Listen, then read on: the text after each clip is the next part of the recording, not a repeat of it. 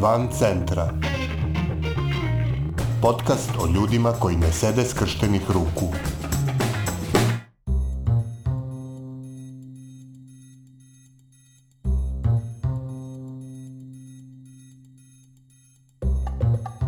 Vi slušate 24. epizodu podcasta Van centra, koji prati napore ljudi iz cele Srbije da poboljšaju kvalitet života u svojim sredinama. Poslednjih dana pažnju javnosti privukao je slučaj Milana Petrovića, mladog i entuzijastičnog profesora srpskog jezika iz Niške gimnazije Svetozar Marković, koji je poslao otvoreno pismo ministru prosvete Branku Ružiću. Naime, posle nekoliko godina rada kao zamena, Petrović nije primljen za stalno na konkursu u svojoj školi, iako je imao superiorne reference, pa je zato javno upitao svog resornog ministra da li su ovom obrazovnom sistemu potrebni ljudi kao što je on. Petrovićev slučaj naišao je na široku podršku nastavnika, roditelja i drugih koji su zabrinuti za stanje u obrazovanju i javnim službama, a formirana je i Facebook grupa za podršku. I dok se čeka ishod Petrovićeve žalbe na rezultate konkursa, rešili smo da porazgovaramo s njim upravo o tim referencama koje ga izdvajaju kao kandidata na tom konkursu. Samoletimičan pogled na ono što je ovaj prosvetni radnik u prethodnih nekoliko godina uradio tokom i posle radnog vremena, dovoljan je da prepoznate aktivistu po rođenju. Milan Petrović, nastavnik i inovator u nastavi iz Niša, govori za podcast Van Centra o tome zašto on radi sve to što radi i kako su se on i njegovi mladi saradnici samoorganizovali da pomognu nastavnicima iz cele Srbije da se lakše snađu s pandemijskim prelaskom na učenje na daljinu. A na početku da čujemo šta se dešava s njegovim slučajem. Ja sam to rešenje primio recimo u četvrtak poštom, u petak sam izvršio uvid u dokumentaciju koja mi je data, ne sve, ali ono što sam mogao da vidim. Ja sam onda po, ovaj, pozvao advokata i sastavili smo jednu žalbu koja je već e, u ponedeljak, to je ne u ponedeljak, ne u sredu, pošto je sreda bila prvi radni dan, poslali na adresu škole i prosveti to je poslednja instanca unutar obrazovanja koju možete da uradite, dakle od trenutka kada vašu žalbu prihvati, da kad je primi, ako je odbije, direktor ima pravo odmah da potpiše ugovor sa kandidatom koga, koga komisija izabrala, a vama ostaje samo opcija da se žalite osnovnom sudu, konkretno u mom slučaju u Nišu. Tako da ako za 8 dana od recimo srede ili četvrtka, ja ne znam kad je to poštom stiglo, moja žalba bude odbijena, meni ostaje samo opcija da se, da se sa školom u kojoj sam želeo da radim sudim, kažu iskusni pravnici da je to proces koji traje godinu i po do dve dana i posle čega će najverovatnija odluka biti da konkurs recimo bude poništen, u kom slučaju škola mora da raspiše novi konkurs sa osoba koja je tu možda nepravično izabrana i za to vreme godinu dve radila. Tako da sada verovatno ima i jači, jaču prijavu ili jaču biografiju, tako da nisam baš siguran koliko je cela stvar onda pravedna ali eto, to je neki put. Ostavit ćemo to sad e, po strani trenutno, sa najboljim željama za pozitivan ishod, a e, da se vratimo malo na položaj, e, vaša formalna situacija je, vi ste na zameni, je tako? Tako je, ja trenutno menjam na časovima srpskog jezika i književnosti direktora moje škole i to je, dakle ugovor kaže da moj posao se završava onog dana kada se e, radnik koga menjam vraća na svoje radno mesto. Javljali su mi se ljudi koji su na domak penzije, a da su ceo vek proveli na zamenama i mogu da vam kažem da je to socijalno gledano jedan vrlo nezavidan položaj, pošto nemate stalno zaposlenje, svaka banka nerado ulazi sa vama u dogovore oko recimo dozvoljenog minusa bilo kakvog kredita s obzirom da ne postoji garancija firme u kojoj radite da ćete vi taj kredit moći da isplatite. I sad ako samo pomislite da su 2013. uvedene uvedena ta zabrana zapošljavanja koja se ovaj, na prosvetu takođe odnosila, onda shvatate da su svi mladi ljudi koji su se negde opredelili da će se baviti nastavničkim učiteljskim pozivom, profesorskim pozivom, da se narodski izrazim, poljubili vrata od 2013. do evo 2021. A šta se podrazumeva u praktičnom smislu u, u svakodnevici na radnom mestu? Šta podrazumeva ta situacija kad neko radi kao nastavnik na zameni? Mislim, ovo se sada ne odnosi samo na školu u kojoj sam ja trenutno. Sada govorim, razumem da, da to sada govorim u, u ime svih koji, koji rade na nekoj zameni negde i pre svega mislim na mlade ljude. Vi ste nekako ma, mali od palube. Dakle, očekuje se u nekom takvom kontekstu da je malte ne izraz milosti što, vi, što ste vi tu i što nešto radite i onda prihvatate i zaduženja koje bi starije kolege bez problema odbile ali vi prosto nemate taj komfort zato što vaša pozicija zavisi od dve vrlo po meni nehumane stvari. Jedna je da se vi zapravo nadate da će osoba koju menjate ili dugo ostati na bolovanju ili da, da se neće skoro vratiti na svoj posao što bi bilo normalno, jeli? a s druge strane ne želite nikom da se zamerite i pokušavate da radite najbolje što možete i nekada prosto prirodno prihvatate da, da ćete se potruditi i, i koje šta više nego što bi se od vas očekivalo. Ja sam imao zaista sreću da sam ove, sređivao u kolektivu gde e, su svi nastavnici jako, jako i aktivni i vrlo inovativni i gde se ipak vodilo računa koliko toliko o, o nekoj podeli posla i ja sam upravo zbog toga i želeo da ostanem u toj školi. I dobro, kakve je to sve inovativne programe e, prosvetni radnik e, Milan Petrović e, pokrenuo? Znate kako, gimnazija Sveta zaista je jedna gimnazija u kojoj možete da vidite jedan vrlo širok dijapazon različitih programa koje ne možete da vidite u svim u svim gimnazijama u Srbiji. Znate, naša škola već dugi niz godina uh, ima festival Nauk nije bauk koji je, ja mislim, i niški brend s obzirom da tu prođe, prodefiluje jedno 15-20 hiljada ljudi za dva dana, da tu imate stvarno više desetina postavki iz cele Srbije, nekada čak i iz inostranstva, bude tu oko hiljadu ljudi za tim postavkama, što učenika, što profesora, što ljudi iz naučnih institucija, e, sa fakulteta, iz nevladinog sektora, iz biznisa koji imaju da pokažu nešto zanimljivo. I ono što je recimo bio moj zadatak u svemu tome je bio da čim sam došao, formirao sam jedan krug učenika koji su bili zainteresovani za medije i to je učenicima bilo jako zanimljivo zato što je zapravo jako praktično. Oni za par meseci rade na tom festivalu, u pripremama nauče stvarno jako puno od novinarskog sanata i to je nešto na čemu oni dugoročno budu zahvalni zbog toga što su paralelno sa svojim školskim obavezama dobili neka jako praktična i zanimljiva znanja koja imaju osjećaj da mogu da potrebe u 21. veku. Ja sam jako ponosan recimo što sam nekoliko generacija zaredom pripremao učenike za, jedan, za jedno takmičenje koje sprovodi Erste banka, koje se zove Superste te su tako zaista godinu za godinom od e, mog prvog projekta na kome je učestvovao ceo jedan tim koji se zvao Vučilo Dolina magičnih reči, su mi svake godine imali među pobednicima bar jedan tim je dolazio iz tog nekog našeg, da tako kažem, kruga i da su to prosto bila deca koju, koju smo mi pripremali što u školi, što u organizaciji naučime u kojoj ja volontiram. E sad, mislim, i taj prvi projekat Vučilo Dolina magičnih reči je po sebi zanimljiv, zato što je 2015. 16. školske godine to bila, dakle, još tada aplikacija, igrica za učenje i uvežbavanje srpskog pravopisa, koja u sebi sadrži preko 2000 primera koji pokrivaju različite oblasti pravopisa i koja postoje besplatna za preuzimanje, je zaista pokrila veliki broj nastavnika. Kako je došlo do filma Heroji uče drugačije? Meni je recimo bilo simptomatično to da ja koji sam studirao lingvistiku ne znam tako puno o poremećajima i izazovima koje nose poremećaj ovaj, u, u učenju. Tako sam istraživao sam na tu temu i shvatio da dece koje pate od disleksije zapravo ima jako puno. Recimo da naš prosečno odeljenje u Srbiji ima 30 učenika, to znači da će među njima biti skriveno bar dvoje ili troje disleksičara njihov mozak je prosto povezan drugačije i oni slova i koncepte koje, koje se kriju iza pročitane reči uklapaju u svom mozgu drugačije. To ne znači da oni nisu sposobni da nauče da čitaju, samo je neophodan drugačiji pristup.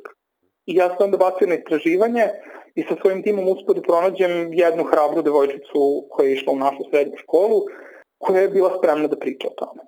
Ona je u tom trenutku već završila gimnaziju i upisala uspešno programiranje u Beogradu i onda sam je zamolio da, da me poveži sa svojim roditeljima tako da smo mi napravili jedan dubinski intervju Pa se onda pronašao jedan momak iz Beograda koji je prošao sličnu stvar, našli smo naravno defektologe koji su nam davali dodatne informacije o, o, o samoj disleksiji.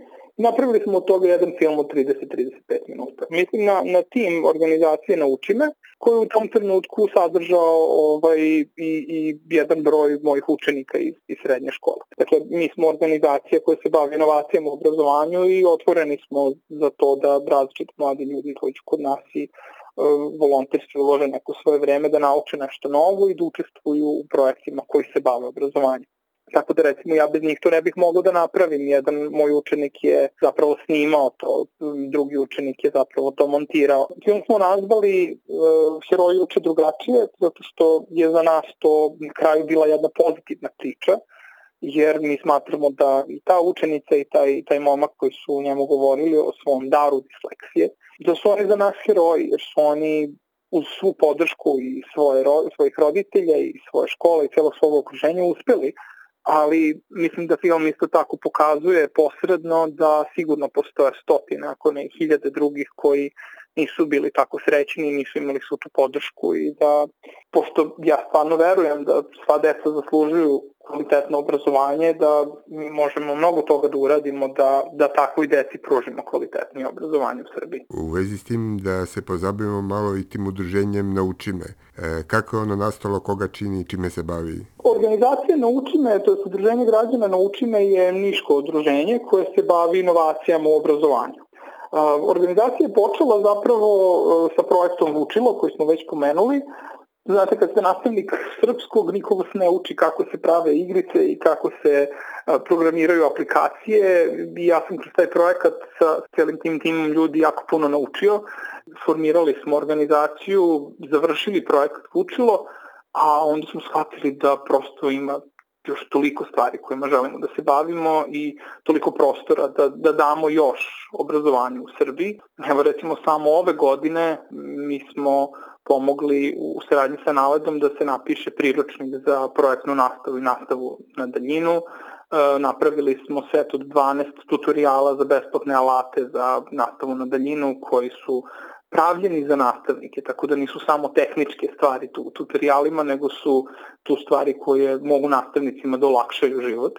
I, i imamo tu sjase drugih projekata. Ja sad mogu da pomenem, pomenem recimo projekat Youth Innovation Center koji je kombinacija mentorstva i karijernog vođenja za srednjoškolce koji ove godine radimo u saradnji sa američkom ambasadom i gde se fokusiramo na mlade iz uh, usmerenih srednjih škola i pokušavamo da im damo znanja koje bi im obezbedilo da možda sami pokreću neke svoje biznise posle škole, da probaju da osmisle neke svoje ideje i možda probaju da ih na tržištu realizuju. Pošto sam ja prošle godine imao sreću da, da dobijem, da budem na razmeni koju organizuje Fulbright fundacija u Americi, po povratku u Srbiju počeo sam da, da pišem jedan sa kolegama naravno koji, koji na projektu učestvuju da pišem jedan priručnik, priručnik za podučavanje i učenje u 21. veku koji prati jedna igra za nastavnike koja se sastoji od karata koje kroz igru nastavnike navode da rešavaju izazovne pedagoške situacije, ali isto tako da da se sukupljavaju zajedno, rešavaju neke probleme koji bi onda mogli da izazovu njihovu kreativnost i da ih motivišu da se povezuju, bolje upoznaju i razvijaju kao nastavnici. Kad smo kod pokretanja svih tih raznih ideja i inicijativa, mislim da neće moći da preskočimo ni online emisiju Znanje da ne baguje. Da, Kako je to emisija, kako je došlo do nje, koja je tu e, ciljna grupa, šta je ideja, s kojom idejom je pokrenut taj e, kanal? Hvala vam što ste znanje da ne baguje izgovor, izgovorili u izvornom priz, prizemsko-timočkom dijalektu. Ove, ja, sam, ja sam ponosan što je, to, što je to došlo iz Niša, a bilo korisno svim nastavnicima u Srbiji. Naime, kada je počela pandemija u Srbiji i kada smo marta meseca dobili mail iz ministarstva, svi mi nastavnici i učitelji da ćemo morati da organizujemo nastavu na daljinu, mi smo shvatili da sigurno postoji veliki broj nastavnika koji kojima je to udarac, koji možda neće umeti da se snađu jer nisu možda do tada imali toliko prilike da se susretnu sa online alatima za učenje, sa tehnologijom koju prosto nisu možda imali potrebu da koriste do tada. Ali mi smo u organizaciji puni mladih ovaj, entuzijastičnih ljudi koji zaista barataju tehnologijom fantastično. I mi smo onda započeli, obećali smo sebi da da ćemo da napravimo jednu emisiju koja je isprva m, funkcionisala na YouTube-u svako veče od, čini se, od 8 sati i da smo rekli da ćemo mi biti tu uživo i da ćemo pomagati nastavnicima da se organizuju.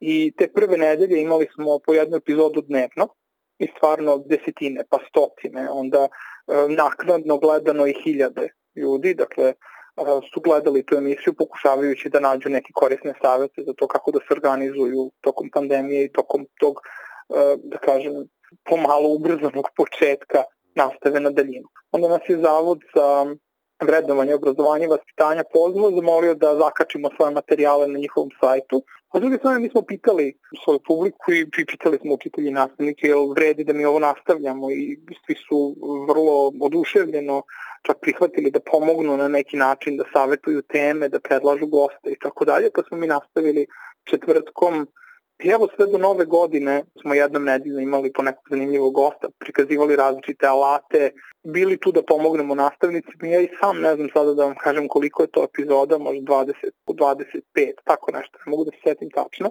ali sve one su snimljene i sve one su i sada dostupne na, na našem YouTube kanalu i ja sam siguran da smo nekom broju ljudi pomogli i verovatno je to i razlog zašto, zašto evo sada mogu da kažem da sam srećan čovek koji zna nastavnike iz cele Srbije. Kakav li je taj naš obrazovni sistem? Šta se može reći o njemu? Koji je smisao borbe za kvalitet obrazovanja u takvom sistemu? Čemu se ovo, ako taj rad i zalaganje neće biti primećeni? Pa, znate kako, ja, ja sam malo drugačije vaspitan. Moji roditelji su 54. godište i živali su u nekom drugačijem vremenu, verovatno. A imao sam za uzore nastavnike koji su verovatno isto iz tog doba i iz, iz tog konteksta nastali moj profesor informatike Dragan Đokić iz srednje škole koji je napustio prosvetu na isto jedan slično nepravedan način. Čini mi se e, je i prešao u IT industriju, mi je često na, na kapama, bo smo ostali u kontaktu, govorio, znaš, Milane, kada otkriješ da si, da si nastavnik, ti, ti ćeš biti nastavnik čak i na kafe pauzi u nekoj IT firmi, kaže mene, i tamo zovu profa. Znate, kada otkrijete nešto umete da radite što volite da radite, što radite celim srcem i onda ne pitate e, da li ima nagrada i pod kojim uslovima ćete to da radite, vi prosto prihvatate da je to ono zašto ste vi tu i, i pokušavate najbolje što možete da date sebe u tom poslu. Kako da kažem, evo u nekoj uh, nesrećnoj situaciji u kojoj moja žalba bude odbijena, ja neću prestati da se bavim obrazovanjem. Ja ne znam čime bih drugo mogao da se bavim ja ću prihvatiti i ne kao odgovor. Moje pitanje nije bilo, kako da kažem, ni retoričko, ali nije bilo ni markirano u smislu da sada hitno moram da dobijem odgovor da samo si nam ti još trebao.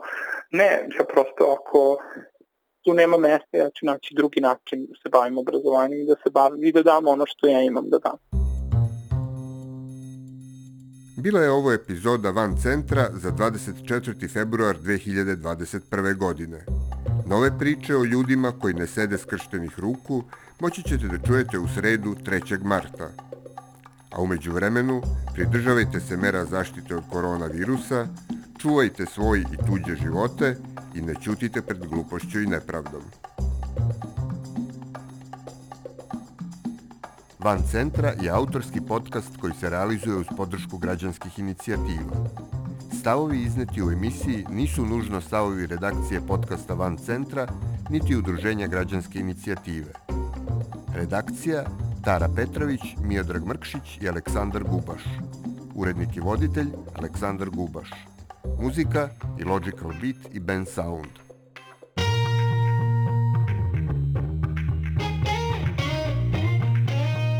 Van centra. Podcast o ljudima koji ne sede skrštenih ruku.